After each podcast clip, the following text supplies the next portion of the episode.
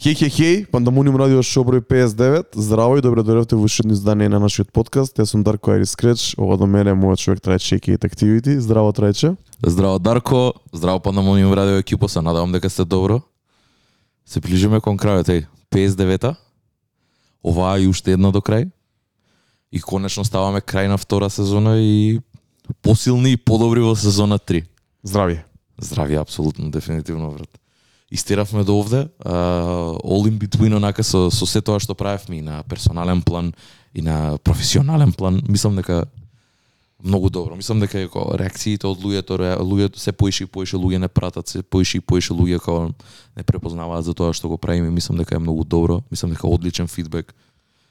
Огромна благодарност. Тоа ќе го оставиме за следна, Да, за да, следна да. епизода, така? Збориме Има време уште една. Ке се отвориме малце. Да. Таа следната интересно дека пак снимаме у четврток.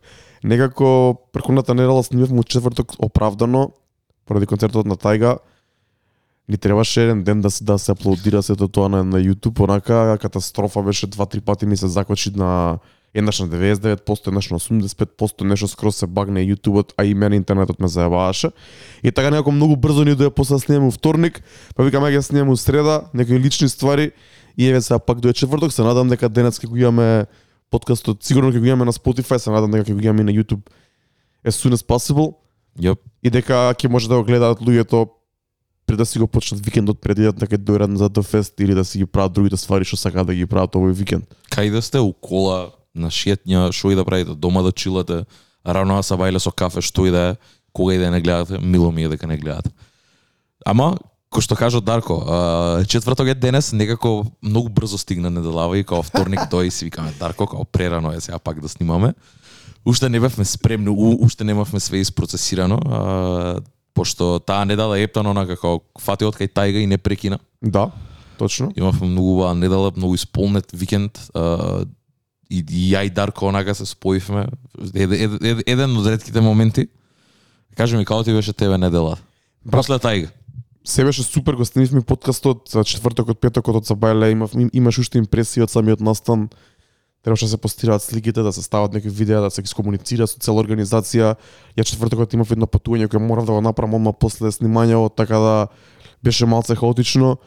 У петокот пуштав музика во Кочани, летниот отворен клуб Аква, поминав окей, поминав добро, шарал до цела екипа што беше таму, ми изненади дека имаше доста помлада екипа и екипа спремна за таа малце понова музика. Така. Иако беше пак комерцијален сет, повеќе реагираа луѓето на нешто малце по-ново, по-ново, по наводници и по-траперско, за разлика од моите сеќавања како сум си поминувал таму можеби пред короната.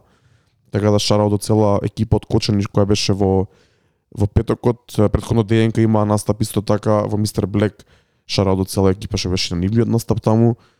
Мислам дека беше одлично и за промена онака ми дое добро да спијам у Кочани да не треба да возам 200-300 километри, 150 километри ут- утре ден, така што ми е постојано последниот месец дена. И саботата отидов од Кочани директно Штип. Имав таму договорен настав во Angels Cafe, big up до цела екипа на Angels Cafe на ниво као секојаш. И тука се деси стори интересната ствар.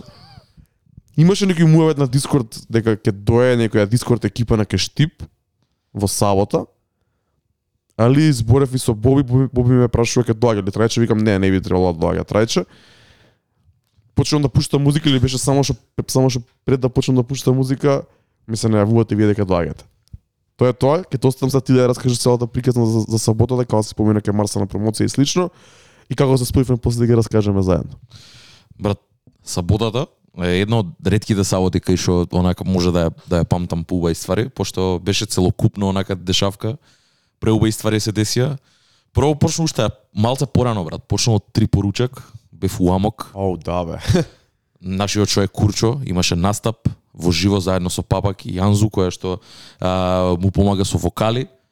Одлично беше, good vibes, одличен, одличен сет на Папак, Курчо настапи, буквално на пола дискографија ја настапи, имаше долг настап, саат и нешто време. Супер беше, малце луѓе се собраа таман колку што е за, за, за Амок радио, некоја пијачка у нас, топ беше онака топло, малце малце облачно од таму, а, заедно со Курчо завршија со сетот све. Собравме некои луѓе, се упативме на Кајокс, А, Марси имаше таму евент. а, конечно правеше онака промо на као listening party и а, merch drop за за неговиот нов нов проект.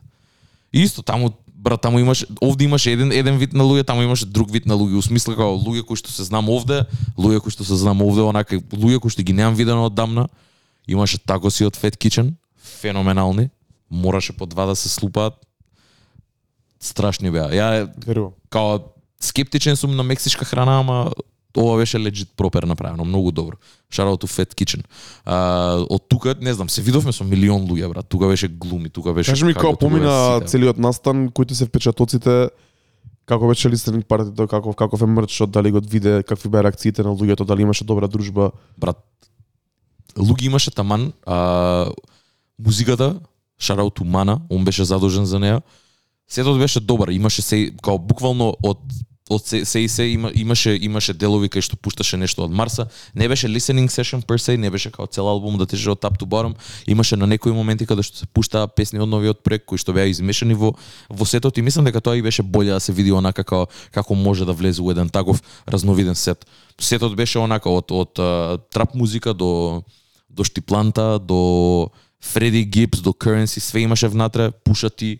Мислам дека баш и Мана го она го прави тако, мислам као Мана ко човек е таков кој што би пуштал таква музика, онака е најразновидна, добра на вајб, убав убави моменти. Имаше добра екипа, имаше луѓе од Штип кои што беа дојдени со него.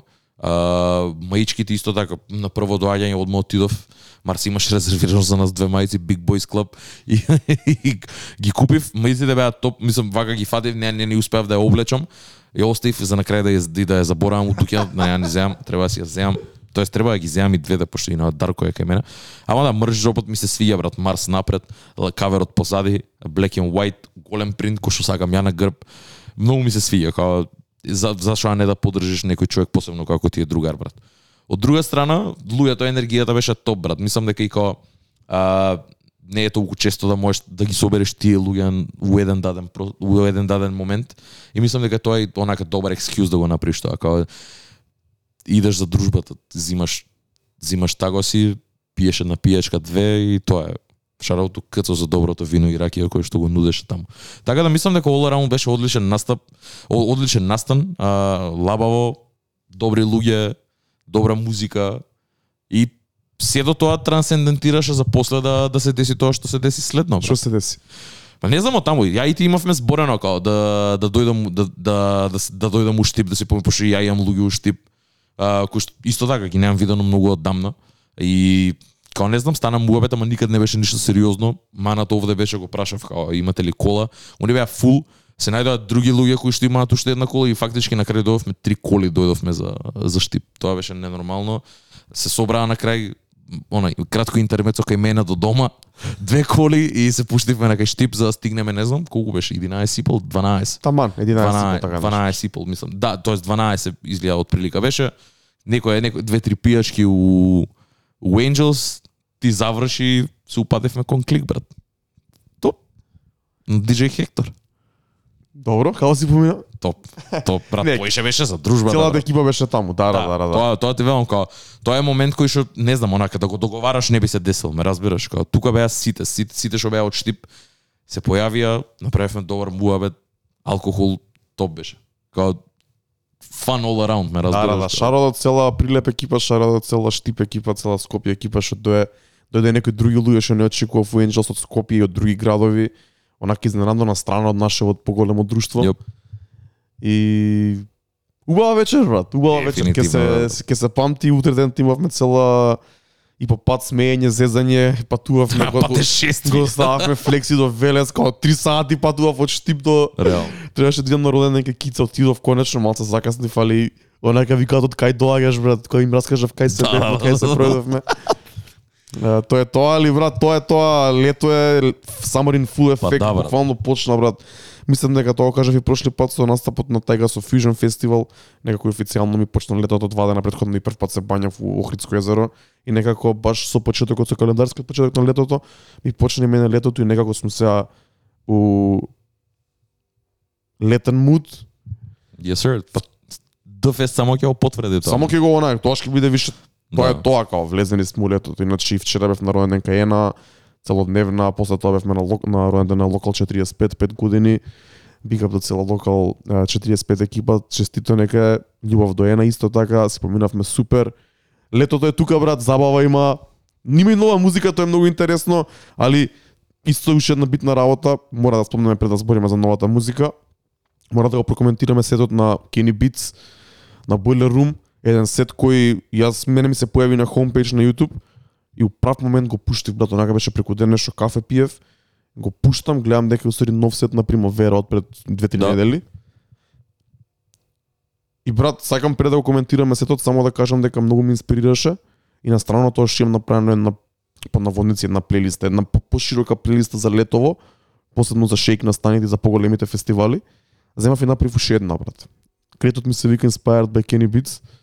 Не ми е скроз готов. Имам уште два-три фолдери мои да ги прочепкам и од таму да извадам некои песни.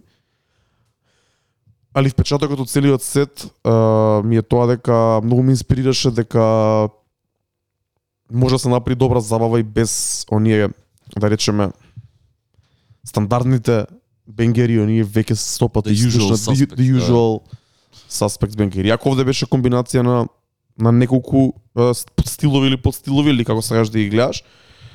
Погледнете го сетот на Kenny Beats на Boiler Room. Интересен е, ние ќе ќе го прокоментираме малце, го зборев мисло така и на Discord. Сакам да кажам дека многу ме инспирираше и се надам дека ќе можам да не да го направам тоа на мој начин бидејќи не, не ни сакам ни така да така да звучи, така да изгледа и така така да биде, ама се надам дека инспирацијата што извлеков од него ќе ми помогне за летово да поминам добро на настани. Да, ја мислам дека као доколку си диџеј и ако на пример гледаш инспирација, мислам дека единствената инспирација би требало да биде сега единствената, ама главната инспирација би требало да биде во, во у енергијата која што ја носи околу публиката. И нормално публиката е многу битна за такво нешто. Као таа таа врска помеѓу публиката и диџеј е многу битна и мислам дека ептен тоа се гледа. Разбирливо Кени Бице да не кажам легендарен, ама многу голем продуцент кој што исто така има како многу длабоки руц и у EDM и у трап е, онака сферата на времето као имаше беа дуо заедно, тој не ни продуцираше уште хип-хоп, се занимаваше стрикно со идеја музика, вадеше онака 2014 2015 вадеше такви брзи затворкање само за ништо друго. А, така да таков човек е и затоа знаејќи го Кени Бице на пример и продукцијата што ја прави и што све слуша, за него иако на пример можеби не е ни диџеј као диџеј сет у смисла поише ако онака нема некои перфектни транзиции. Као можеби на пример диџеј еве кој си кој што ја следи таа перфекција цело време, можеш и да се изнервираш на момент као зашо го зашо го прави ова или зашо не. Као у смисла да го искритикуваш, пошто знаеш дека можело многу боле, ме разбираш? Ама од друга страна као ги гледаш дека луѓето се премногу забавуваат. Е сега нормално, сетингот е друг, тука е фестивал, плажа е, Барселона, Барселона е брат, да. има значи Кени Бис настапува на кој знае каков мал стејдж, има Го скршија стејшот брат на еден момент, затоа ја прекинаа музиката. Да, има 100-200 луѓе, 300, не е битно колку онака тоа значи рачунај од цел фестивал што може би има 50-100 посетителност, Така, тие 200-300 луѓе што се знаат кој ќе ни бите, што сакаат да. Да. го слушаат и што претпоставам дека слушаат ваков некој стил на музика. Апсолутно. И тоа е многу голема предност. Сетот можеше биде многу боле според мене. Е, Као прво селекцијата е добра, но мислам дека можеше да има многу боле распоред помеѓу себе. За транзициите не сакам да зборам. Не беа добри, имаше некои добри моменти кај Дури и што непостоечки. Да. Имаше некои добри моменти кај што намерно и без транзиција звучи добро кога ја пушташ на прва песната, дека он ја, ја мести баш точно кај што треба да влезе за одма да изнуди реакција на луѓето. Така. Али па и тоа не е некоја филозофија со оглед на тоа дека луѓето бебе ајптен за греани, селекцијата му беше Да. on point, онака у поглед на ги гаѓаше луѓето за тоа што треба. Тоа што не ми се свиеше беше на някаква стара песна, не знам дали беше тоа Кайли Минок или нешто такво. Да, Кайли Миноета. не се сеќавам. Сега се сетив ја Кайли Не, Миноета. такво нешто брат. Да, да, да, да, да. Онака тоа на пример беше скроз оф. Овие што се 2000s класици кои беа на сетот ми се окей. Ама на пример Drop It Like It's Hot да ја пуштиш кај нас. Ја ја пуштив и у Angels мислам дека Drop It Like It's Hot бидејќи цел сет го Да. пуштав така малце по олдскул бидејќи имаше многу постара публика за разлика од вообичаено. Uh, Like It's Hot не не е нешто што би го пуштил на пример на Fest или на било кој од нашите настани бидејќи Да. за македонски стандард песната е пре пре пре пре препуштана и искрено избегавам освен за Хавана и освен за некое место кај што од време на време Радош. Радош. Ептен може да ми да ми легне онака. Па дури ни таму брат, таму думе ден се класика, не е like it's... Факт. Факт. Така да имаше имаше добри моменти, ме инспирираше, стварно ме инспирираше за некои ствари. Среќен сум дека го погледнав сето и среќен сум дека онака управ момент го видов брат. Управ Да, да, да. Да бе можеш да извлечеш инспирација од него како да те натера да те натера на нешто друго. Апсолутно, брат, тоа е многу добро. Тоа е многу здраво пред се. Тоа е многу здраво. Мене на пример лично као ја ако ако гледам ја мислам дури и се изненадив као гледам Kenny Beats Boiler Room 7 примавера. Си викам леле ова ако е било нешто како ако е барем малку исто ко претходното, ова ќе биде fire. Пошто ако не знаете, Kenny Beats имаше уште еден претходен сет пред некој некој 3-4 години, може би поише. А, тоа беше на Places and Faces журка, приватна журка каде што имаа Boiler Room сет во затворен простор во Америка. И тоа ми е чудно, тоа ми е интересно, уствари не ми е чудно, туку ми е интересно како публиката и начинот на реагирање на играње е многу сличен таму и овде. Не знам зошто е тоа така. Брат, Најчесто и Европа и Америка се разликуваат у начин на играње, у енергија, па у реакција на песни. Ама овде ми беа некако преслични. не брат, Примавера фестивал, интернационален фестивал, луѓе од цела Европа, луѓе од цел свет има брат. Да, сигурно. Така да не е толку тоа, не би требало да биде толку различно. Како и да е. Имаше некои ствари кои што се повторуваа онака. Дени Главер, Биф од Playboy Carti и Ethereal. Тие, тие две траки онака таа е легендарната транзиција која што не е воопшто легендарна, која нема врска, ама у тој даден момент онака изнуди не- ненормална реакција и стана стана многу добар момент на целиот сет, уште на првиот, па после се префрли во вториот. Така да, all around, добар сет, интересен сет. А, мене многу ми се свиеше како уба енергија ми носеше. Можам да замислам само како би било да бидам таму. Да. Тоа би било 10 пати боле, 100 пати боле. Не може да се спореди него ли дома да го гледаш или на телефон. Мене мислам дека најака транзиција ми беше од Дакити или не знам која беше од Bad Bunny, после кога се спушти на Lord Pretty Flaco, најверојатно некој ремикс беше или некој едит така Уф, беше. да, да, да, да. Тоа ми да, беше еден од најдобрите транзиции. Тоа беше добро. Тоа беше добар момент. Да, апсолутно. Види, брат, на крај на Дали денот мислиш- мора да прашам нешто, извини. брат. Мора да прашам нешто. Дали мислиш дека Дени Гловер може да да изнуди таква реакција во Скопје во Македонија? 2022 Да. Сега лето. управиот сетинг зошто а не? Добро. Може. Дени... Ја мислам дека може. Направите луѓе управиот сетинг на правото место, мислам дека може. Добро. Ќе видиме. Ќе тестираш? Ќе видиме. Значи тоа е се некои песни што ги имам у кретови уште од Абе ги имаш Правда, факам журките, брат. Да, бе, брат. Значи, Дени 2014, Главер се вртел. 2015, ме сваќаш? Апсолутно.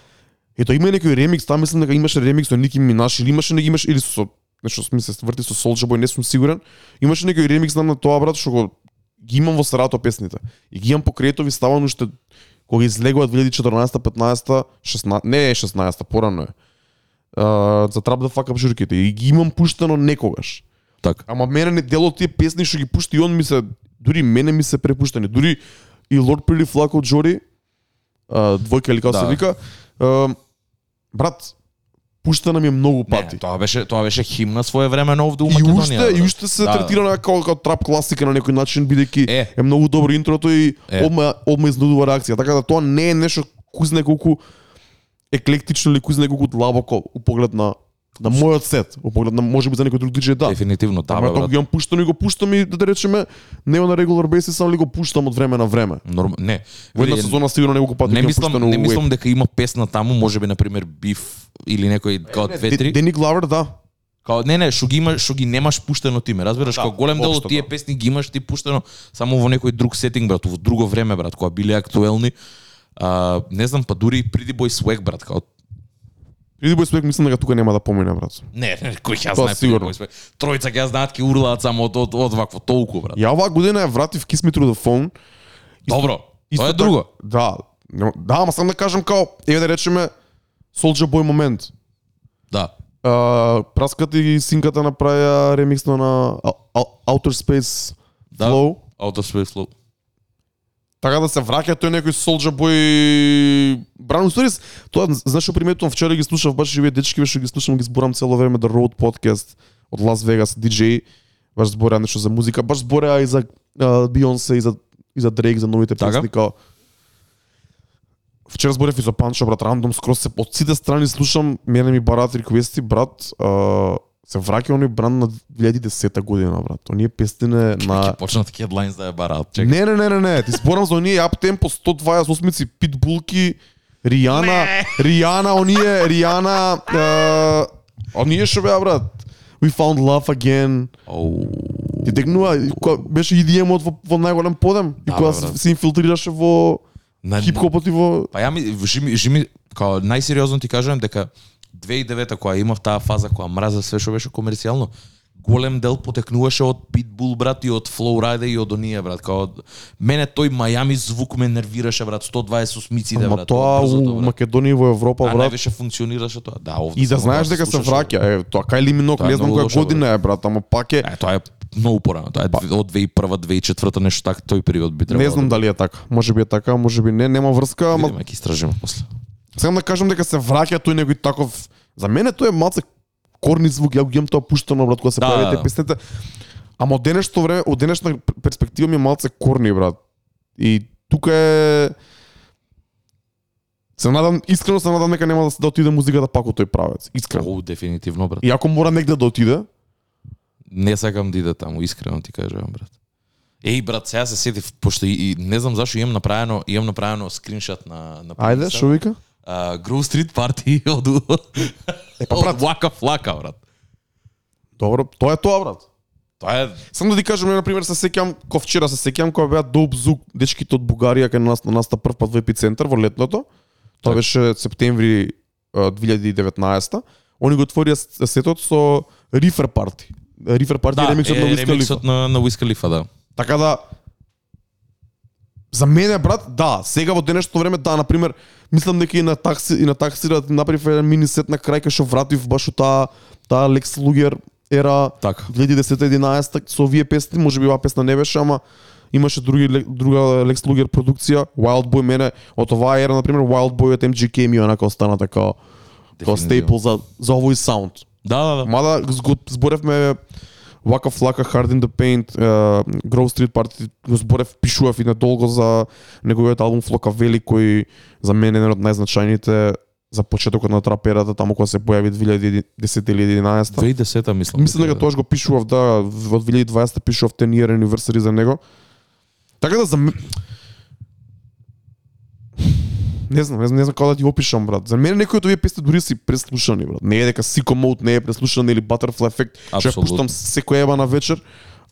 Ама Со нервоза го кажа. ама и овие, не не не, ама и овие како не, не ми се не ми е нешто толку Ама сега доаѓа период кај што најверојатно да. на пример можеш да си дозволиш да ја пуштиш брат, пошто е троубек. Веќе е троубек брат. Дека е јак троубек. Веќе 12 години имаат пројдено од кој има искочено песната брат. Ара да, да. Добри 10 брат од која ти си почнал да ја пушташ на журки брат. Да. Така да мислам дека тие песни као после тој после толкав после 8-9 години мислам дека може да се вратат Да, и да да. имаат throwback момент брат. Не ми смета тоа.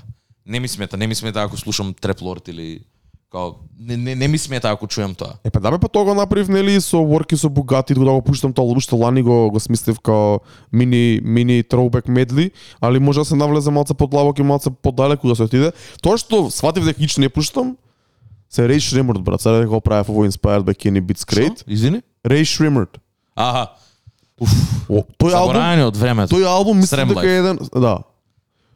Тој албум мислам дека е еден од најбитните за за трапот, за е, Смени многу. интернационалната експанзија, глобалното прифаќање на трапот како таков правец.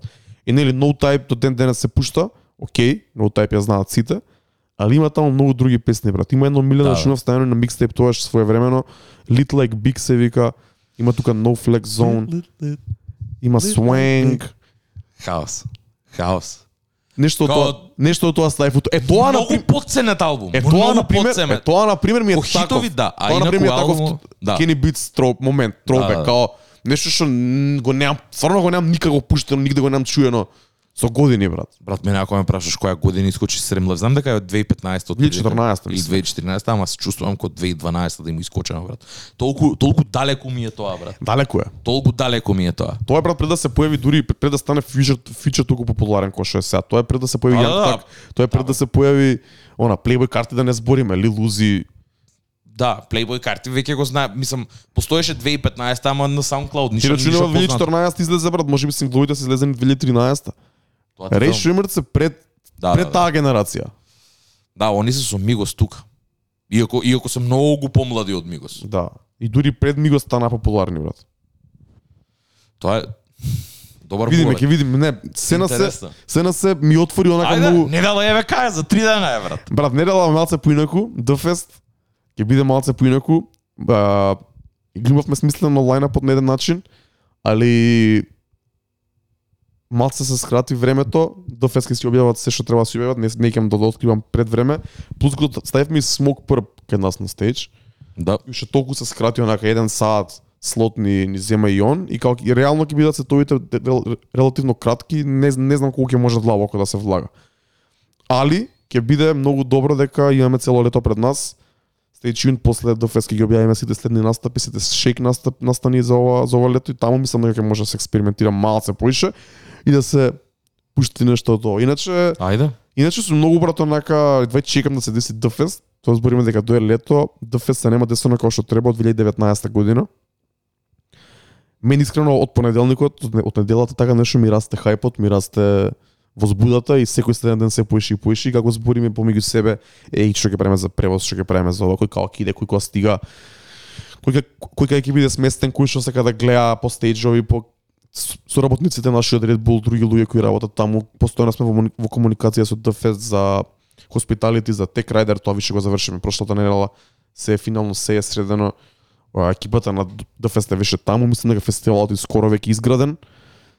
Екипата на DVD Plus е таму, екипата на Red Bull е таму и веќе онака ми праќаат слики, гледам што се дешава и стварно возбудата расте. Еј, брат. Како се осеќаш ти?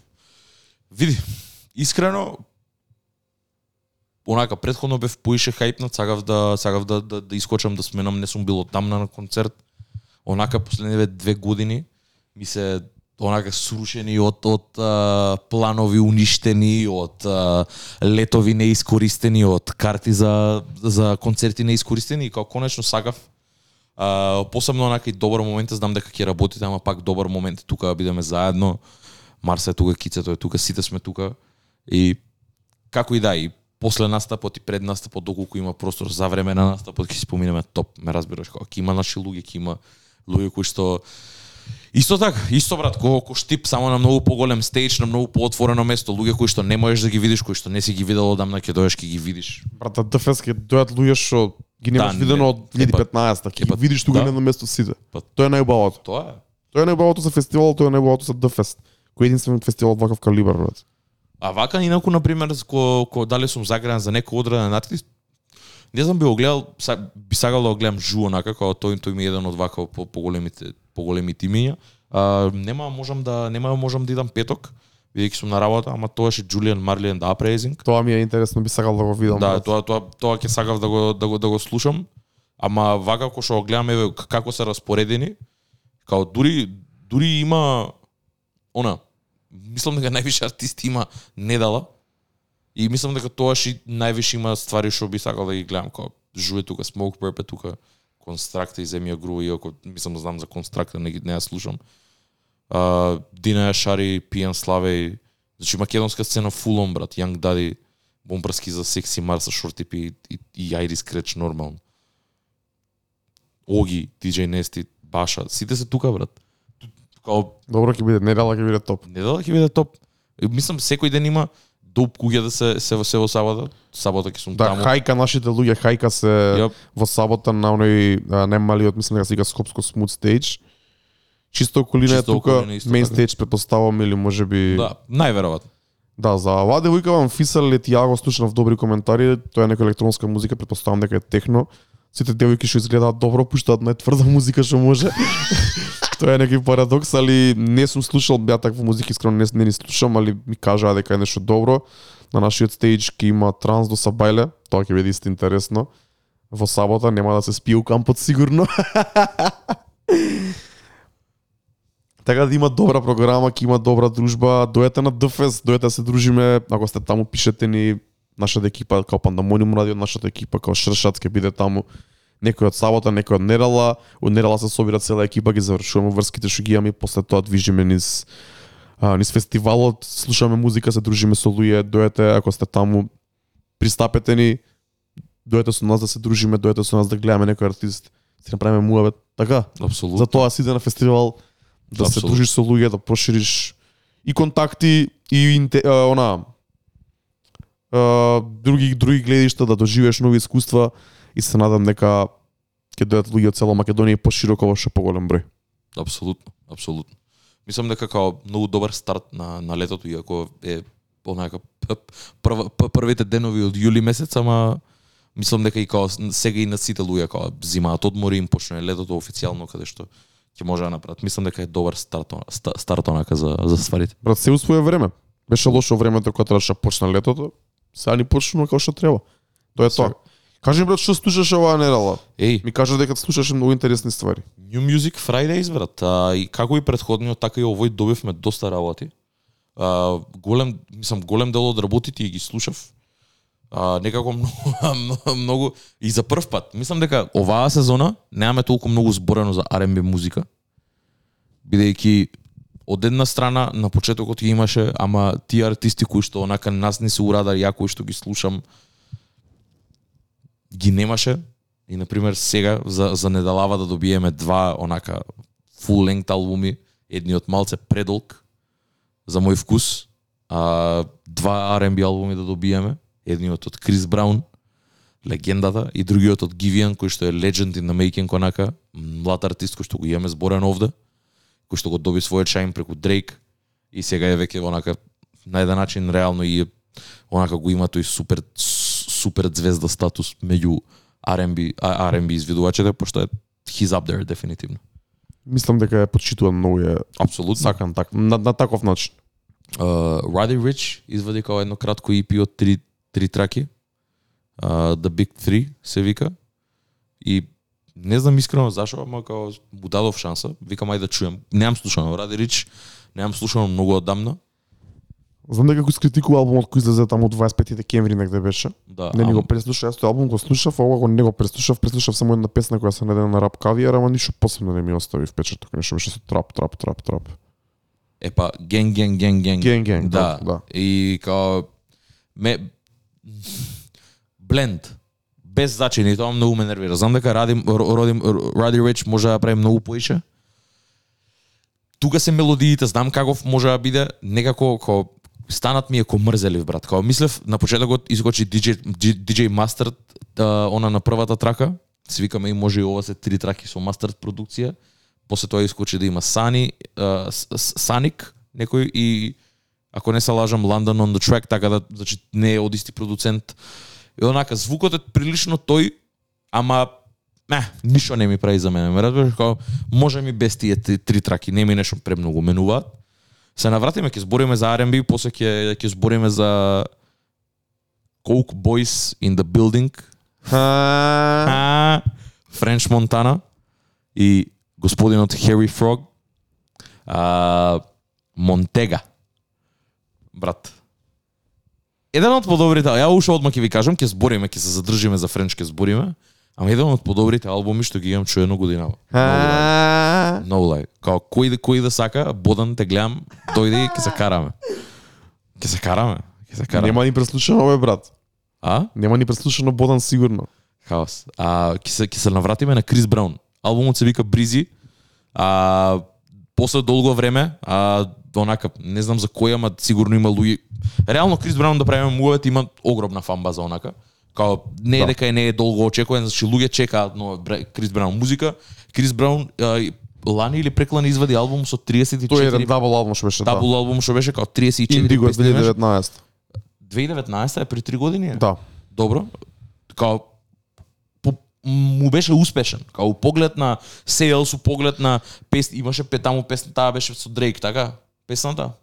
Немаше тука хит некој брат. Да, No Guidance беше, ама тоа брат мислам дека отиде независно од самиот албум. Тоа беше Да. сингл. И као тоа не знам која е стратегијата зашо прави толкави албуми со толку со толку многу песни. Брат, има и extended верзија на тоа со Да, има со 42 песни. 40 и кусур пес, да.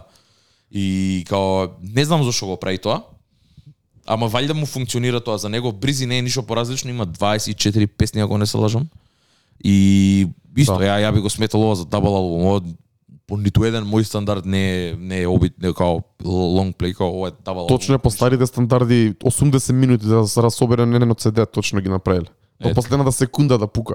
Да, и е ја би рекол класичен R&B албум, као у смисла класичен, класичен модерен, Таков модерен, тој. модерен звук каде што имаш онака а, примеси од рап музика, го имаш овде Wizkid кој што носи примеси од Африка и го имаш Блес кој што исто така носи некој онака а, карибиски шмек на сето тоа.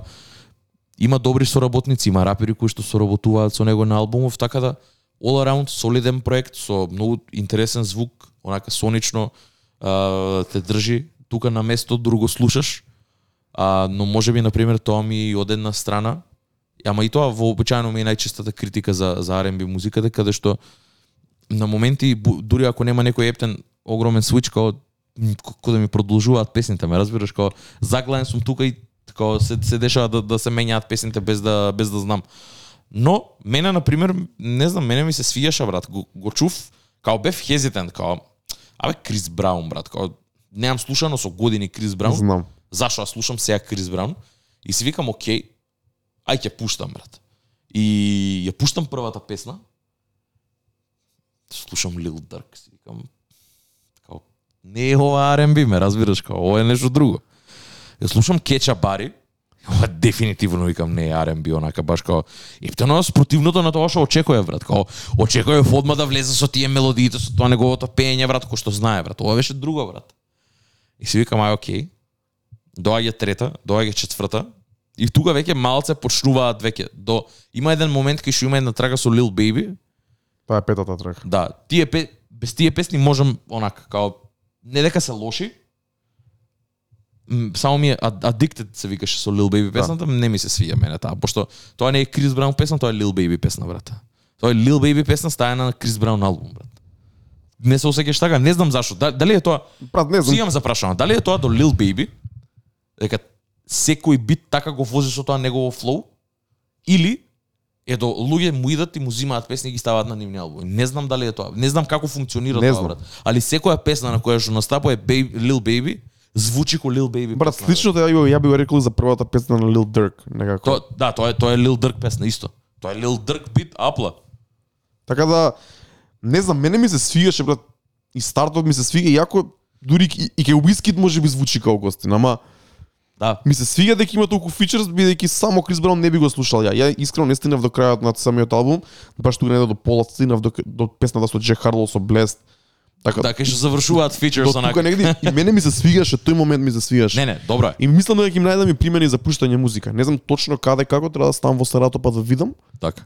Да, ама сигурно на некој warm up или нешто на крај има каде да се пушти, да. Може би не во прайм тајм, ама Да, да, да. ама да, на да. почеток или на крај може да најдат некој некој така да си најдат место во сетот твој. Не знам, мене ја ја ја успеав да го изслушам цело нака, као tap to bottom без без никаков прекин. Брат, кој што кажа на пример Need You Right Here, Closure, омилена, искрено Call Me Every Day дефинитивно со Wizkid, не знам зашо. А, онака добра ми е, кратка е. А, има убав звук, као мислам дека кој било кој да беше со не знам, Wizkid ти ја прави песната, брат. Да не беше Wizkid немаше да биде тоа. Ме, Тоа е тој шмек. да, За- ептен. Затоа Као- викам и дека и мене ме потсеќа на еден микстейп материјал од Wizkid, uh, Starboy микстейп се викаше Volume 1, кога кога Wizkid и почна ствари да експериментира со малце тој поише алте звук и на кога ги слушав тие трубите, ептен ме потсети на тоа, бидејќи таков е звукот. Тоа е Да, да, да. тоа е звукот на нема да кажам звукот на Essence песната, али тоа е звукот тој Така. алте звук инспириран многу од R&B. Така. И е многу модерен и многу ми се свија, брат. Не, не, многу е Без лесен разлика- за слушање. Без разлика дали е Крис. Браун или Wizkid песна, не, не е уопште битно. Не, не, не. Ко сингл е мислам дека феноменален фе, феноменален сингл за албумот, брат. Да. Као, уште кога уште кога видов Крис Браун Wizkid, викам окей, ќе чујам да видам што е. Ме фати одма, брат. Уште не- мислам ја знаев песната уште пред да искочи на да се појави на албумов. И као си викам окей, ова е тоа, ова е добро. Ова е ова е за прв пат кај што можам да кажам окей, као пес, као добиваш пес за за ова пошто ми се свиѓа стварно. И од тука брат почне онака тој тој соло ран низ, низ албумот каде што веќе почне да влага во тие R&B води малце подлабоко тематиката е најчесто иста нормално R&B љубов, heartbreak, све тоа. А, пак искажано на Крис на Крис Браун начин го има тој го има тој swag, го има тоа све. суаве внатре. Има све, го, го има го има тој флекс пари едно друго како сите тие ствари што го прават него како човек, облека, играње едно друго, како све тоа, све тоа е у музиката преточено и тоа е многу добро дека на крајот на денот пак еве кој што реков, на пример знам дека е Крис Браун албум само заради тоа брат. Као тоа колку колку мене на пример ја велам дека е лошо, што не можам некој на, на моменти да сетам која завршува една и која друго песна почнува. Тоа па кажува за онака за музикалноста на сето тоа, колку е сето влијано вточено во у, као у еден звук. А, пошто стварно има има разлика од првиот дел и вториот дел, каде што првиот дел кој што каже, претпоставуваме зашо и тоа тебе ти се свиѓа тој прв дел пошто го имаш Дже Харло, го имаш и STG, го имаш имаш поише артисти као May, Her, артисти кои што онака поише Whiskey, Брат, мене Лил Уейн многу ми се свиеш. Lil Wayne, Lil Wayne одличен. И со текстот, и со деливери, Да, и да, со да. се онака, Уейн е чув. Лил Уейн, викам, оу, чекај, чекај, Yes sir. како влезе на траката, брат, секоја чест. Да, ова ова не знам, а ова е Young Blue со него, Предпоставам дека да. пошто По звукот, видов, по пеењето, И мене ми беше чудно, го гледам Blue, се викам ако единствено ако се има преименува, ама не го проверив дали е Young Blue или не. Пошто Young Blue го знаеме, го зборевме мене трагата ми со звучи таа песна дека можеби негова е, брат, дека он некако ја носи Види, нема не го исклучувам фактот дека и тоа е така, дека првата половина е собрана од луѓе, као не, не во целост, ама дека као е се позаимувани нивните стилови за сето тоа, па дури и Джек Харло трагата брат. И Джек Харло Ептен си звучи код дома онака да да Брат, Джек Харло више почна да звучи многу слично сегде, тоа не знам дали е добро или лошо. е лошо, ама сам се го кажува тоа дека има најдено формулата и да го користи тоа, така да се надам дека ќе го користи за негов бенефит и дека ќе ќе ќе успее да го издржи тоа брат. Оваа работа формула не функционира, брат. Па да, да, мораш некогаш да го скршиш тоа, брат, као гледаме дека не функционира, гледаме дека најголемите артисти прават многу големи промени и скокови онака како Дрейк извади fucking хаус албум, брат, не знам. Тоа ако не ти кажа нешто ме разбираш како Абе, да, да, да. Мора, мора да направиш нешто. Пет години пројда. Вчера видов, пет години пројда или четири од од од uh, Скорпион, брат. God's plan, брат, као ја смени играта тогаш, ме разбираш. Вр... Време пребрзо поминува и музиката можеби ние не осеќаме дека се, се менува, ама е смената многу од тогаш, брат. Се менува, брат. Смената е многу, брат. менува. Смената е многу. Uh, така да, all in all, за тоа што е, за, за толку долг што е, не ми смета, добар албум е, као искрен ќе ќе бидам, Крис Браун на времето ми се свијал многу поише и многу поише сум го слушал него ли сега. Као порано ги имаше тие wall to wall, тие легендарните хитови, тоа да... 20 години е То, тоа. ама, е па, е тоа. Ај сега перспектива дека Крис Браун постои 20 и кусур години, брат, дека прави музика, брат. Тоа е лудо, брат. Првиот албум е 2001, 2002, така. Не знам, ама многу е дамна. Као Нереално. брат. ранити. Да, све тоа. Така да, у то, ја, ја го знам од тогаш и сега можам да видам кај, ме разбираш, и као за за има има и исто и една има, само не знам не знам која беше. А, не знам искрено која беше. Forbidden мислам дека беше или пес. Не знам, имаше една брза која што многу ме потсеќа на Fine China. Ти текна на Fine China? Да. има една песна таква што ми се свиѓа, тој момент ми се свиѓа така да. Мислам дека е на- она земено најдоброто од од тоа што тој знае да го прави склопено у еден албум. И не го мразам заради тоа. Добро ми е. Не знам да не знам колку би го слушал дома тој албум и колку би Не. се навраќал на него најверојатно воопшто. Као сигурно ќе ќе искочи и една песна можеби од тие со колаборации на пример, не знам. Ако ми се свиѓа, ако ме закачи некој лајн на на Джек Харло да да ставам некаде у некоја плейлист. Ама Call Me Everyday дефинитивно влага у таа Nigeria плейлиста што имам.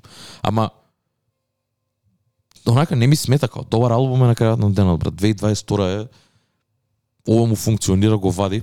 Топ. На крајот на денот е за неговата фан база, брат. Да. Гледаме дека Да, да, да, апсолутно. промовираат ни медиуми, па дури ни Spotify не го форсира малце така. Не е Black Bolt, него едноставно не е поддржува на некој начин. Да, па не не не не е у тој она, а, у тој Prime онака light нема го нема тој А дали мислиш дека истиот албум кога го извадеше Young Blue, ќе беше уште ќе беше многу многу лајкан и многу почитуван од луѓе. Истиот албум, да е он, да е он наместо Крис Браун. Не, брат. Пошто, види, ја не, не можам да го изоставам тој факт дека Крис Браун Крис Браун има... дава плюс или минус? па мислам дека дава плюс. Плюс, добро. Мислам дека дава плюс пошто реално брат има луѓе кои што биле 20 години кога Крис Браун ја извадил раните, сега имаат 40. И као тие луѓе се онака лојални поддржувачи на Крис Браун. Има луѓе што го поддржуваат него брат, као Да, бе, 20 брат. години у кариерата он е многу изграден артист брат. Има луѓе кои што пораснале со неговата музика, имале луѓе кои што прв пат ебеле на неговата музика, као луѓе се приврзани за него. Ме разбираш, кој ја и ти на пример, кои што сме еве Дрейк, Кање, луѓе кои, кои што ги има луѓе кои што така го доживуваат Крис Браун, брат. Македонија јас знам многу такви девојки пред се, и машки. Ама девојки пред се. Да, и не, не, не е ни лошо тоа, брат. Така, тоа само да ти кажам дека Крис Браун за тоа што е, мислам дека е многу изграден артист за да може сам да се одржава, па така да и ми- мислам дека може. Валјда он си го има најдено ова дека него му функционира. Искрено не знам дали е индепендент или не, немам појма тоа што е, ама знаеме дека сега више се си иде на пократко, ова он го прави спротивното него ли индустријски индустријскиот стандард. Цело време го прави тоа, не знам зашо. Не знам, искрено, ако му функционира тоа е топ, многу ми е мило дека е тоа така. Ама како и да е, добар албум, all со оглед на тоа дека мразиме долги албуми сега, како јавно го збориме тоа. Не, не мразиме, ама ме нервираат дека треба да ги слушам саат и 10 минути, брат. Да. Како саат и 20 минути албумов. 80 минути, нереално е тоа. Ама добро е, не е лошо, не е не смета, не те нервира, нема нема нема скитови, нема интерлус, нема ништо ново. Као Apple се а лежи 30 песни брат на албум. Као... Така да добро е, не Ќе Него- видиме, ќе видиме кај као не не е дека нешто вау дупка ќе направи сега уиграва брат, ама има песни со со со Брайсон Тилер, има песни со ESTG, има као има за луѓе се да си најдат за не, понеша брат. Да. Него Немаше немаше ама изненади Дрейк ако се појавеше на албумов, као тоа е тоа. Крис Браун е на крајот на денот брат. Него преслушав цел, првата половина негде ја преслушав, ми се свија. Втората половина некогаш ќе ја чујам, ќе видиме нешто, ќе видиме што може да ставам усерато. И тоа е тоа. Второто R&B издание е Givian. Албумот се вика Give or Take. А, нов албум со нова музика до сега не чуена онака, пошто предходниот беше предходниот албум што го извади, го нарече албум, уствари беше као компилација од предходните два негови проекти. Тие два беа по 7-8 траки, ги склопи и направи 14-15. А, ама овде добивме нова авторска, авторска музика, долго очекувана, која што е пак поише од тоа, пак тоа по класично R&B каде што има пијано, каде што има инструментали онака позади. Од свирени инструментали не се не се такви груви битови, не не те движат туку едноставно тоа те, те седне е седно е шукјоши и те тера на на бедовите маваат. Ти искрено не ми требаше овој албум, барем не у моментов, а, али го преслушав. И као Удрија, Па, реално да, ама тоа е, као таков артист е, брат, као ќе ќе излажам ако, ако, ако кажам дека не сум фан на Гивиан за тоа што го прави, брат. Си, си ги знае, си ги знае кои му се него јаките страни, си знае која му е фан базата, зашо го сакаат, го сакаат за тој негов вокал, брат. Као стварно е многу добар, многу квалитетен, многу редок, брат, многу карактеристичен каде што ако чуеш ги ако, ако чуеш Гивиан песна знаеш дека е Гивиан брат не не можеш да, барем веќе како кога се појави Шикаго фристайл ја искрено мислев дека е дека е друг артист дека не е он брат Кај ја мислев дека е Самфа ама после тоа преслушав све друго стари песни што има сватив дека и сега нема шанси да не го разпознам неговиот вокал брат се познавам. Да, да, да. И као 14 траки се, као а, ако си бил уврска, ако си уврска или ако никад не си бил уврска, као за све има ти текно е као за секој можен хардбрейк, за секоја можна ситуација ти ја опише у песна и затоа ти велам, као не ми требаш албумов воопшто, ама го преслушав и као удира јако, као многу е искрено тоа што го збори, има интересен начин како го кажува тоа, не е дека користи некои као прекомплексни работи, као директно го кажува тоа изразено преку многу убави вокали. И мислам дека е класичен R&B албум, онака каде што пеењето е главниот фокус, продукцијата е таа кој што е. Велам, пијано, труби у позадина, жишени инструменти, све тоа, виолини, као по-класично е, нема нема грув, не не можеш да играш на тоа, брат. на тоа се плаче, брат, ме разбираш. Тоа не као го слушам тоа, Songs брат. to cry to, брат. Така да, all in all, добар албум, мене ми се свигаше, како го, го изслушав и се бајле уште еднаш. Ама за Гивиан, мислам дека е полн погодок, као не може да сгреши, пошто Гивиан брат и која настапува брат. седно е на пијано го свири пијано и пее брат. Као таков артист е он он е покласичен артист не може да мада има песни мене омилената од од Гивиан и Валје и заради тоа ми е омилена е Fields брат. Fields е 2015 и има таков ап темпо бит брз бит као 100 100 110 115 и тоа ми тоа, тоа, тоа ми е многу воно. Тоа дури иако е тажен би, та- тажен текстот би можел да играм. Како ќе се најдам на некое место кај што би играл брат, ама ова не можеш ништо друго да правиш освен да седиш у ќош брат и да и само онака да влагаш длабоко у себе и да размислуваш брат. Така да ако сте за тоа, се надевам дека не сте за тоа. И јас. Да, се надевам дека никогаш нема да го почувствувате тоа. Албумов е за тоа. Као за ништо друго. А, затоа се вика give or take или даваш или земаш, збори за многу работи. Ти кој што кажа, секоја можна форма на heartbreak, дали те изварала, дали сте раскинале, дали сте ова, дали сте он, се е опишано у албумот, брат. За се има пример, онака за се има случка, не знам, на човеков што му се дешава у животов за, за такви албуми да биде. Тоа, тоа секогаш поишеме, поишеме као, брат, ти шо имаш пројдена за ова, ти мене ме го збориш. Ти ја ќе ќе се најдам у три три строфи брат. Али ти албумов од кај го извади брат. Мене тоа ми е секад брат. Никад не разбирам брат. Кој и Дрейк брат. Што ти се дешава бе тебе брат? Мултимилионер си бе брат. Кој за зашо пол албум ти е за некој рандом од од Бристол UK брат. Као што како бе брат?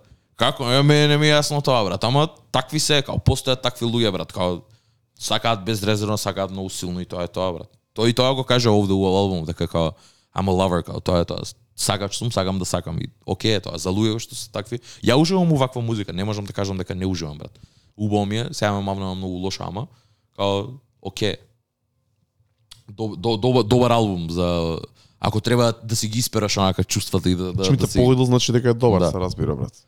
И последниот албум за денес, малце онака свртиме на на на Ајде! на, на, на по-позитивен тон.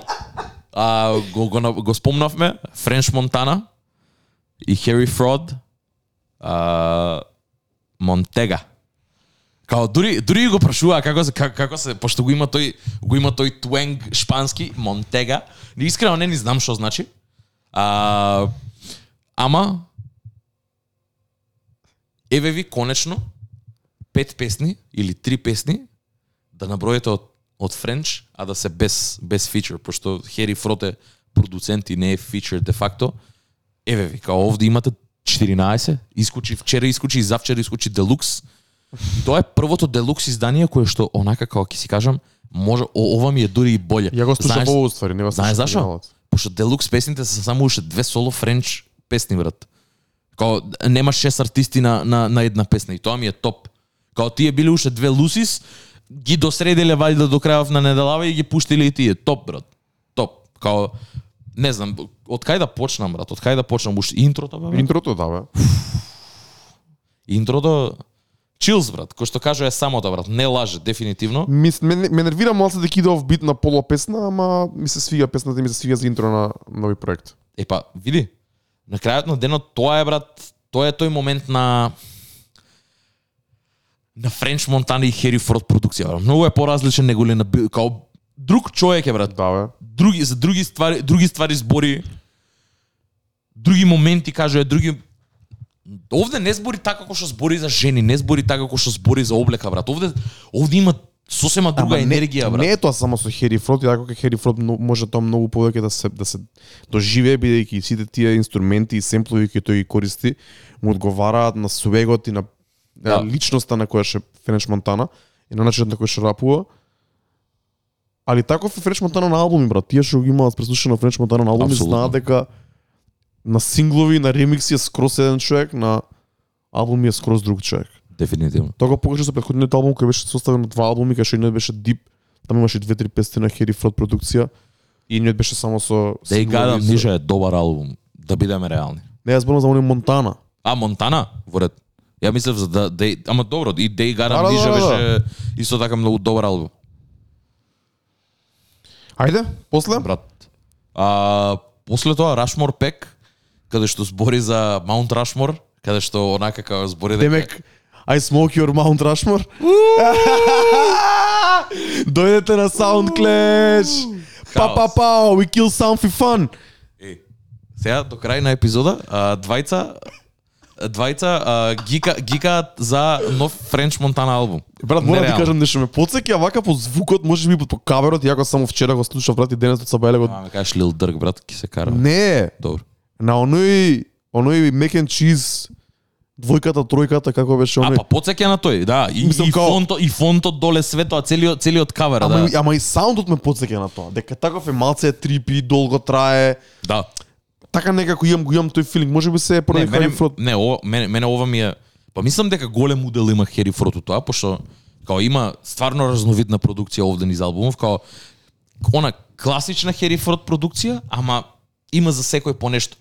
И сите фичерс ми се овде погодени, брат. Нема еден лош фичер онака каде што ќе кажам не ми се свиѓа, брат. Као не се не гледам ниту еден, брат. Може би единствениот без кој што можам би бил Quavo, ама на крајот на денот и Quavo Океј. дава некаков добар шмек Океј на, на, на рефренот. Да, Да. окей. За со оглед на тоа дека немам слушано многу одам на Quavo, Да. топ ми е. Као не ми смета воопшто. Ама општо за фичерс, а, има има има луѓе кои што ги го немам видено да мислам го немам видено. Го немам видено одамна да соработува со нив брат, као а, Рик Рос е овде, Jadakiss се овде, Бени да Бучер е овде, Babyface Ray овде, ESTG, кој што го зборевме онеј на претходниот албум и кај и кај Крис Браун и овде а, Чинкс го има. Нема Макс би ми фали брат. Овде го нема Макс би брат. Па да, го, го нема одамна, брат. Може би дали имате строшено... Валјда. Фри Макс би брат. Хаос. Ја не знам, таков е полн со енергија брат, низ целиот албум само само се смешкав брат, као слушалки се движа брат, не знам кај идев, и као го слушам со смешка брат цело време. Брат. Мене ми е многу до као позитивен ми у смисла мене ми мене ми прави убаво да се чувствувам брат, као убава музика ми е пред се. Као ги поништува сите тие моменти кои што кои што луѓе си даваат шанса да го серат френч дека френч као многу е добар Брат, брат. не ми се Го ни збори тоа. подценуваат Луѓето не ни знаат кој е, брат. Го Посебно подценуваат. овие брат. интернет гикови што почнаа да слушаат музика со плево и карти само врска. знаат само тоа што се пишува на интернетот. А, мене најдобар сегмент онака ми е брат Drive од Drive By или од Keep It Real тука не од третата четвртата песна, па се до Poetic with No Justice. Се тоа како иде склопено во еден во еден блок Да, да, да. со јамајканскиот семпл со она кому се јавува на телефон на тој која збори на од, од Јамајка, ја- јас се знам со Френч Го- го знам френчи. Го знам френчи, да. Да, да, да, да. Го населба тука ми е Така. ми е малиот онака топ Poetic with No Justice. Ме подсеќа маца на Ten Crack Commandments, брат, не знам зашо, на, вајда, мене. вајда флоуто Или флоуто. До флоуто е брат. начинот на кој што ги дали како му се подредени како по блокови римите, појма Така. немам. Али Bricks and Bags, Jerickis Gazi, Benny the Butcher, брат, одлично. Значи песна онака што може би е хайлайт од целиот проект поради значењето и на Jadakis после версусот. Benny the Butcher годинава и претходната година. I should have been a coke boy, but I was selling dope boy. Вчера у два саат го, го слушам тоа и му го пишувам на Дарко, онака као му го куцам на Вивер. Не, не, као Ја пијам го пуштам албум да го слушам и збеснувам. тоа е. Тоа е. Помислам дека така и поише ќе му удри мене, брат. Па да, Упијана состојба Па да. да. го слушам ово, уште толку поише ќе му удри, брат. тоа е за тоа. би било добро? Пијан да слушаш Френч, брат, ама в Deep Cuts Френч, брат. Не се не се дешава ретко да го правам тоа. Не, уу, тоа би било посебно овој албум. Ја не се сеќам кога сум бил вака возбуден мора, за, за Френч. мора една приказна да раскажам сега, брат. Ајде. Поврзана со Френч Монтани и со пијано слушање. Бевме со Игис и со Ники на мини турнеја за Великден, беа со мене Така. Штип Кочан и Тето, шаро до моите браќа. И брат, а... Се заборив. Тоа е пред се многу добра комбинација. На луѓе. да, добра екипа брат. И не знам како стигнавме и како ми ја пуштив или не знам како се случеше. Ова, Они се Френч Монтана афишионарос. не се брат. Не? Не се, дури не ни го знаеа. Sanctuary, брат. Некако свиреше, дали некој ја пушти, дали не знам како. Брат, цело патување само оваа, на репит, пијани, у 3 сабајле, у 4 сабајле, cheese. у 6 сабајле да слушаме, брат, не може да престанеме да ја слушаме. Кога идемо да им се пушти сега, денеска, брат, ден денес, кој им се пушти на некој од нив, некој од нас тројца песна, да ја праќаме у група онака, Да, да, да. дека песната мала ептен. И мислам дека и овој овој албум го има тој момент на така на Не, не. на дип ствари што што може да ударат, а истото ми се случуваше со Монтана, со тој првиот првиот дел од албумот со песните као Say Goodbye со Бели кои исто така имам стајано на на микстейп Салам алейкум за кој имам многу интересен спот као Suicide Doors со Гана. Има има и тука многу онакви deep cuts што да кој ше Френч Монтана е Ајде да се сложиме дека Френч Монтана is great. Само на тоа да останеме, брат. Као луѓе го хейтаат за џабе, брат. Неќе да му дадат шанса од глупи мемиња, од луѓе кои Ама што тоа е. го немаат истражено тоа и само хейтаат, брат. Као никад нема да ја знаат причата за Coke Boys, као слушајте го Френч што збори за неговиот камап у Нью Йорк, брат. Дечко има сега врски со со со Диди, брат. И Као затоа и ти велам. На пример, можеби не за џабе е таа конструкција, брат. Као он е многу добар со, со многу, многу добар другар со Диди, брат. Тенка- нели, он беше Да, и да, во да. Coke кога се појави, се сеќавам ти пред некој ден го шерна а, продукција на Хери Фрод, првиот првиот најголем хит на Френч Да. Монтана. Кога си каже се забореви брат. И... Нема да се сетам, брат. Too, too many French songs, брат. Не не е ни битно, тоа беше дел од Coke Boys Reinvented кај што беше заедно со Да, да, да. ако не се лажам со Рик Рос и со MGK и со ше Тој проширениот affiliates тим, да. Нема тоа е брат, као многу луѓе не не знаат за Mac and Cheese брат и, и mixtape сериалите и све тоа брат, као И албумите не, и и албумите не знаат, као Френч има многу екстенсив дискографија, као многу долга, многу широка, многу голема и богата дискографија брат, као со со све со од хитови со све, као и deep cuts и све брат. Уште една ствар што морам да ја кажам, баш овие две недели, не знам како како стана толку активен во еден момент или така му се погодија а, релизис од а, периодов. Ти го пратив пред некој пред ден на две недели, песната Wap Wap од Skilly Bang, кој во моментов е најпопуларен денскол артист кој доаѓа од Јамајка. А, Wap Wap ремиксот, вајда New York ремикс, така е сниман и спотот со Favi Foreign и French Montana. Јап. Таму и двајцата сгазија. Тоа е денскол песна со дрил елементи, може би тешка за некој, али таму има одличен Да, и мене ми беше тешка прв пат за, за слушање, посебно рефренот, брат. Али Френч и Фави беа одлични. али одличен верс има Френч, исто така ми се појави пред некој ден има една песна Жамапел се вика, не знам како се чита ова, од артистот Бенз кој има потекло од од Мароко, не знам дали од Мароко, па живее во Франција или во Америка, појма немам како е брат. Со оној еден семпл тн тн тн тн тн тн како беше од не се сеќам од која песна е брат, дали беше поп поп песна некоја беше. Дрил песна, исто ремикс, Тион Уейн и Френч Монтана исто така. Гази, брат. Значи, Гази. извади албум и две гостувања на големи песни, реално во својот а, во Да, во своите свој, жанрови, тој, тој универзум кај што постои, во да. двете, не, во, Да, да, да, да. сам да кажем Wap Wap на Јамајка, во денскол светот и можеби во Њујорк и таму каде што Сигурно. стига денскол музиката и американската култура е голема и значајна. Па на TikTok видов дека станува популарна. И ова ЖМПЛ, не знам точно од кај е, од кај е типов, али е, во тој некој интернационален дрил свет исто така релевантна со тоа што доаѓа од Мароко. Френч Монтана е тука.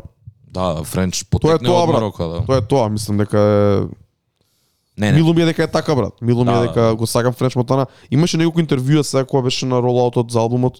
Да, бе, Беше па, некој интервју, не стигнав да го да го да, го, да, да изгледам на Hot 97 или Sway, али ќе гледам некој од да, ја, ја, ја не ги гледав тие, ја имав гледано друго, гледам на на на Камплекс едно шоу, шоу заедно со Тринидад Джеймс за поише таму прават муабет за патеки едно друго за неговиот камап, све како, ама сите причи кои што ги кажува, повр... иако се поврзани со сникерс, со такви ствари, кажува многу ствари и за, и за, и за неговото растење, и за што носеле у Мороко и све тоа. Као Френч има многу ствари проживеано, ме разбираш, као има доено, не е ни толку мал, Не е толку мал. на 12-13 години, нешто, така да, нешто има тоа беше у адолесцент. Да. Што значи дека ти имаш 10 години да се изградиш да го направиш тоа као.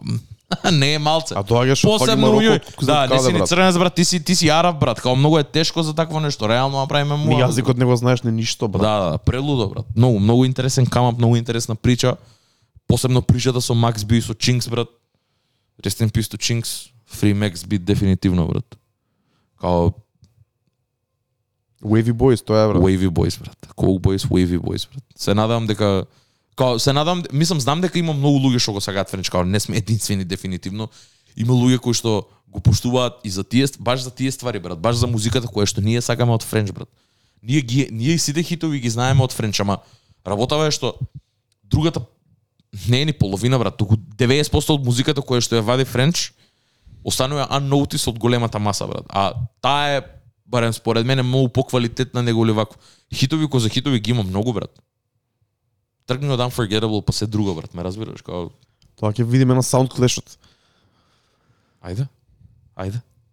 Ќе се покаже на SoundClash, Да, се покаже, јас знам. сега со Монтега знам дека сум на страната на, на Не, не, не, не, не претерувај, не. Знам дека сум на страната на Френч брат. Не, не. Добро, добро. Го сагам, го сагам, го сагам Кендрик, ама као Френч брат. Да underdog брат. Така? Да брат.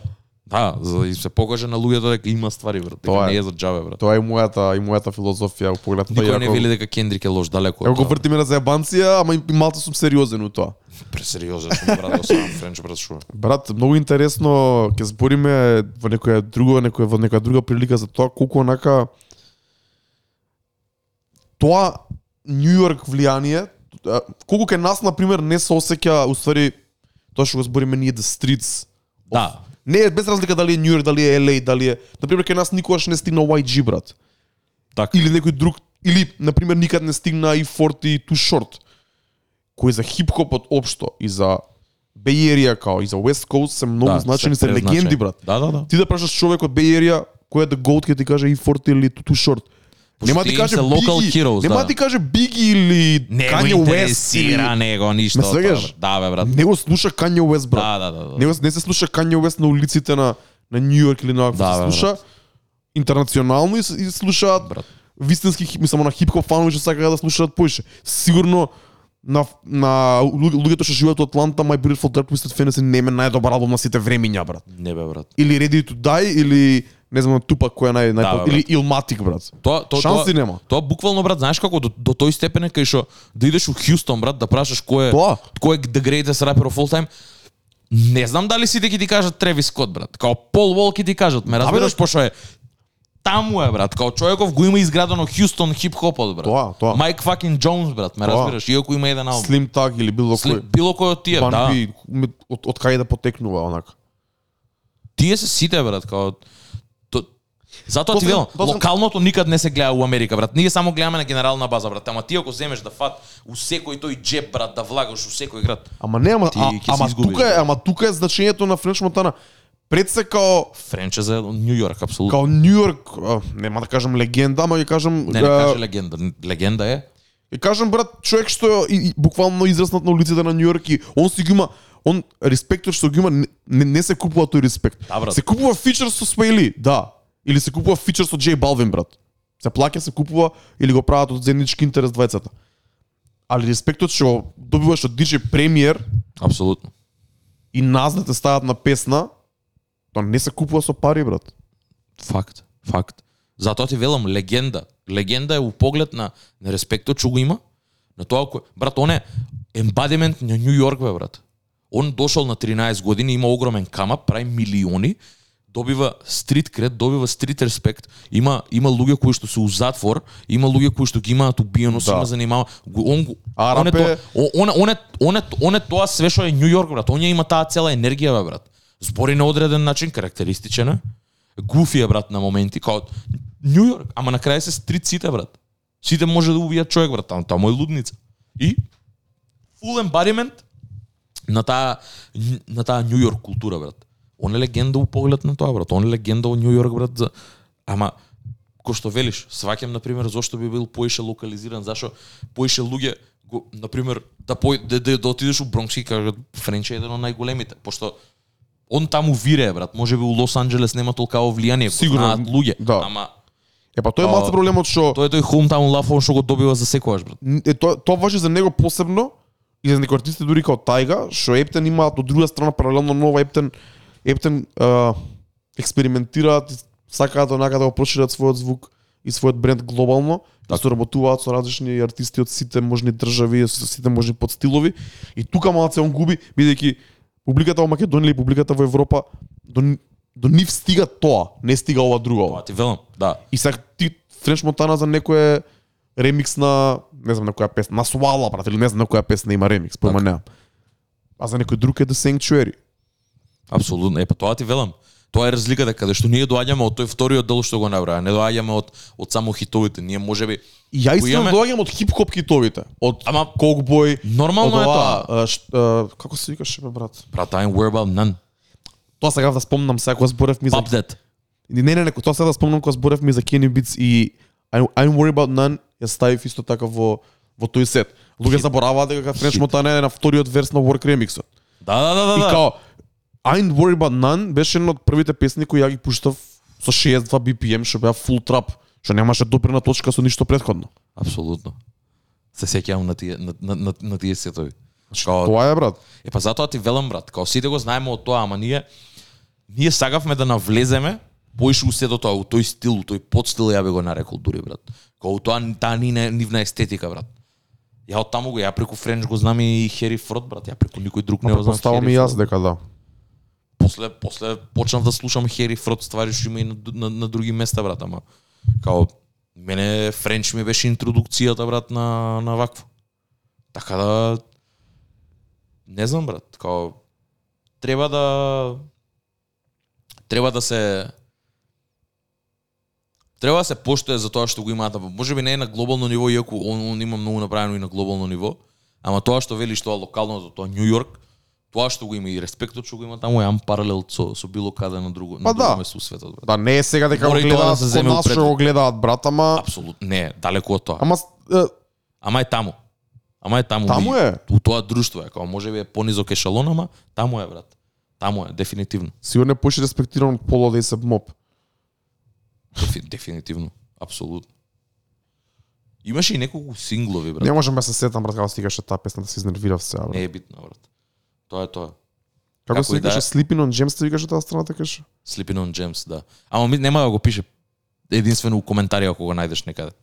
А, инаку, а, тоа е. All in all мислам дека као мислам дека докажавме као Френч, као се чувствуваме за него. Дефинитивно. А, ако го сагате тоа тој многу карактеристичен Хери Фрод звук на моменти laid back, на моменти малце напето онака како со тематики со со, со, со стварите што ги збори. Курч малце, ама добар, квалитетен. Мислам дека треба да го чуете Монтега. Делукс верзијата чујте, пошто за прв пат го кажувам ова, пошто тие две песни никако не сметаат на албум, не одземаат, туку додаваат на него. Може.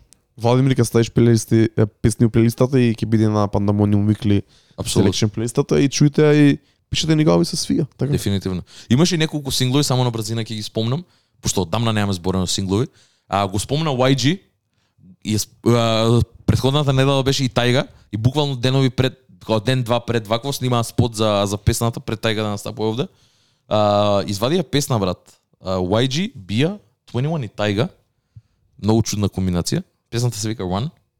А, интересна, као YG продукција е таква е. Ама ми се свиѓаат. Би можели без Бија, Бија поише ја сваќам онака како, не знам, ко други луѓе да ги пишуваат текстовите со се флоу со се све брат, само он оди да у студио да Така рапува. се осеќаш? Така се осеќам. Може би, ќе треба помине малце време да видиме дали е тоа така. Имав сега да ја чуем песната, ќе ти кажам од каде ми е и сега имав некоја референца. Предходната на пример на Лондон чув некои референции од Смайли и стварно звучи исто. А, сега имав некоја у глава, ама сега не можам да се сетам, ама Тајга ми се свиѓа, 21 ми е одличен и YG е многу добар. YG некако ми ја носи целата песна онака овде, ми се свиѓа дека и референот е негов, све него. Топ е брат, како цвет црвено, спотот цвет, Класика, тоа е тоа. класика, клак. И тоа е многу добро, дека YG, на пример, е исто тоа што го збориш, брат. YG као обстојува така како што обстојува само заради љубовта од, од Лос Анџелес што ја добива, од Калифорнија што ја добива, брат. И тоа успева да се прошири онака низ цела Америка. Он не е глобална познат, он имал хитови некогаш, ама него Америка само го одржа у, у тоа што е неговиот пазар у Америка, да, брат. точно. И тоа на западот. Да. И а, тоа е поише од доволен маркет за он да има такви пари да располага со такви ствари кои што Да, располага. Брат. Точно. И тоа е многу лудо, брат. Затоа ти велам многу не као Америка е толку голема, толку битна кој што можеш буквално само неколку града големи да те одржуваат у живот да имаш таква јака фан база. Дефинитивно. Не знам дали тебе би ти се нашло некаде на у, низ Сарато, у некој у, не, у Ќе се некој најде во некој- старато сигурно, а дали ќе се пушта во ротација ќе видиме. Да. Uh, Dad the Genius, Kid Cudi, Denzel Curry, Тоа не преслушав. брат, и Джит, да не го заборавам. Talk About You, мислам дека се вика, Talk About Me, усвари, извини. Talk About Me. А, Интересна продукт, интересна комбинација пред се, брат. Као го гледам Dad the Genius, го гледам Kid Cudi, гледам дека ваат песна. Дензел Кери, брат. Многу чудна комбинација пред се на артисти, као Дензел Кери и джит, окей, ама од кај се најде Кит Кади, од кај се најде Дат да Genius, не ми е јасно. Интересно звучи, квалитетно звучи,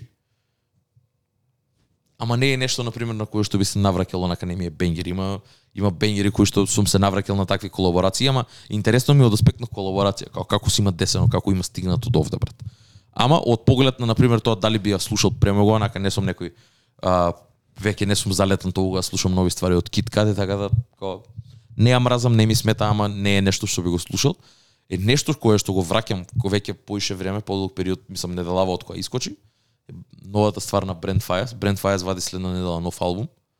А, и песната се вика Price of Fame.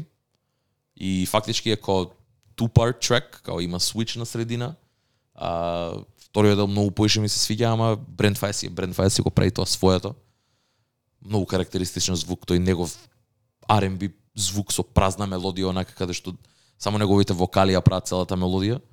И доста relatable ствари, така да Brent Fires, Price of Fame е мега онака. Последнава недела мислам дека тоа и уште неколку ствари ми се константно у, реак... у ротација и мислам дека една од ретките песни која што е од новите и успеала да ми остане онака у ротација. Тоа многу многу многу добро. Едва и го чекам албумот. Албумот ќе има се и свашта онака како мислам имаме веќе чуено некои синглови, има знам дека има трака со Дрейк, има неколку ствари ќе чуеме, има многу ликс, не знам, сега се мислам дека се преименувани стварите, така да не знам дали тие ликови ќе се најдат на албумот, ама продукцијата и а, продуцентите на самиот албум, па дури и сите фичерс што ги има најавено, изгледа феноменално. Така да следна 6 јули мислам дека е, така да кога ќе се вратиме од The West после некој ден искачи и албумот, така да можеби нема тука да го обработиме, ама можеби на пример во текот на летото ќе се погоди шанса да да збориме за албумот, ама Тоа е еден од албумите за кои што сум загреан, онака. Brand Fires, дефинитивно, Price of Ајде, Fame. ќе видиме. Последен сингл, во кој може да се, да се вмешам ја, Ајде. Пукај. Закарија е за Рашат, Близ, Близ. Ми се појави на хомпејдж на Spotify, брат. Не знам зашто ја не, пуштив. Тој не ти го пуштив, брат. Тој не ти го пуштив. Не знам зашто Не, не, не ти го пуштив, брат. Као ја го слушнав уште кога искочи, ама не ти го пуштив. Брат, ми се појави на хомпејдж, го пуштив и си викам, леле, кога е добро ова. Предобро е. Многу добро. за овој период брат. од годината, вака за лето, за сонце, за... Да, да, да, да. Апсолутно. Си седам под клима, си го слушам, си уживам. го има тој момент, брат. Го има тој момент. Мило ми е, брат. Закари не е ни нешто толку, као воопшто не е ни познат, брат. Као многу луѓе малце го знаат. Артиста на отиди како као ако сега ако што е се, се и без Кендрик, брат, да земеш некој да прашаш рандом како кој е кој е она старт кој е лајнапот на на тиди артисти као многу многу малце луѓе ќе ќе го воопшто и ќе го спомнат као никој не ги знае Лук Скајо, оние што се никој не ги знае тие онака не не се ни second tier брат, third tier артисти се брат. Сега на пример новиот са и ни дојчи, као поише пари фрлаат кон неа него ли кон што фрлаат кон овие брат. Така да ама мило ми е дека као имаш Ајзеа Рашат кој што е tier 1 артист веќе моментално да да прави соработка со пак ти и конекција има многу добро звучи многу убаво, звучи Да, да, така да. многу летно позитивно. Позитивно, да. И многу ми се свигаше дека ми се пушти радио на Spotify од оваа песна и уште следните 3-4 песни сите беа фајер. мега, така? Го сакам Spotify која е така брат. Изгледа немам навлезено толку во тој жанр, тој поджанр. Ако, ама те ми тоа даде е тоа е добри добро. песни што не да. ги знаев и ми беше интересно да ги чујам. Ја најчесто, ја најчесто тоа ми е проблем, брат. Ја као ако ме погодат првите 5-6 песни, изијам правам приватна плейлиста и само ги скролам, не ги слушам, само ето плейлист, ето плейлист за да не го изгубам радиото, као алгоритмот да не го изгубам. И после тоа ќе се навратам, не знам кога, ќе се навратам ден два после тоа, ќе се навратам на него, ама сакам да чујам да видам. И најчесто као после тоа што не ми се свиѓа, тргам од плейлистата. Ама тоа е добар начин за посебно ако те однесе на убаво место. Океј, тоа ми се деси са бајле брат, као завршува Монтега, почна нешто сосема друго брат, што не ни очекува дека ќе се деси. Мене ми почна некој ремикс на Unforgettable, брат, и Епа, лошо епа, беше, епа, брат. Да, да, тоа ти викам и го прекина одма брат. Аха, те се деси лошо до друго, тебе, да, добро, добро. Ама на пример имало моменти кога не знам ќе заврши Лери Джун брат и ќе ќе почне нешто тако брат, лабао скрос и си викам "Фу, кај си кај си кај си бил ти цело време. И тоа го правам буквално одма плейлиста да го отворам и почнувам да правам брат некоја селекција или у лайк songs ги ги ставам ако ми се свија толку. Ама дефинитивно тоа тоа обожавам кога ќе ми го направи Spotify кога ќе го погоди така. Тоа е тоа е многу добро. Има добра музика, брат. Мислам дека ќе има добри ствари и летово што ќе се дешаваат. Ќе видиме што следува. А, ние идеме на, на краток хијатус, на мала пауза. Се враќа се вратиме за трета сезона. Чекај. Кај да има време. Ама а, до тогаш Еј, се гледаме сега следно на The Fest викендов. апсолутно. Сите, која таму се гледаме, се дружиме, доете. Пристапете ни, Пишете да се запознаеме, пишете ни у DM на Пандамониум, боле да- на, на нашите лични, боле ако ми имате бројот и на Viber или на телефон, дека Инстаграм мислам дека нема ни да гледам, барете го трајче ќе го најдете, дојдете да се дружиме и ќе се јавиме официјално следната недела со импресии од The Fest, со некои други теми што сакаме да испомнеме пред крај, Апсолутно. Да даеме наши импресии од сезоната и така малце лично да направиме една ретроспектива на изминативе 6-7-8 месеци. Дефинитивно. Идеме, тоа е тоа. Се надеваме дека ќе биде епизодата што побрзо на YouTube и на Spotify. Пишете ни фидбек у подкаст фидбек каналот на нашиот Discord сервер. Пишете ни коментар на YouTube, пишете ни на Instagram. Се гледаме викендов и се слушаме пак наредна среда, најверојатно или четврток ќе видиме. Поздрав. Чао, дечки.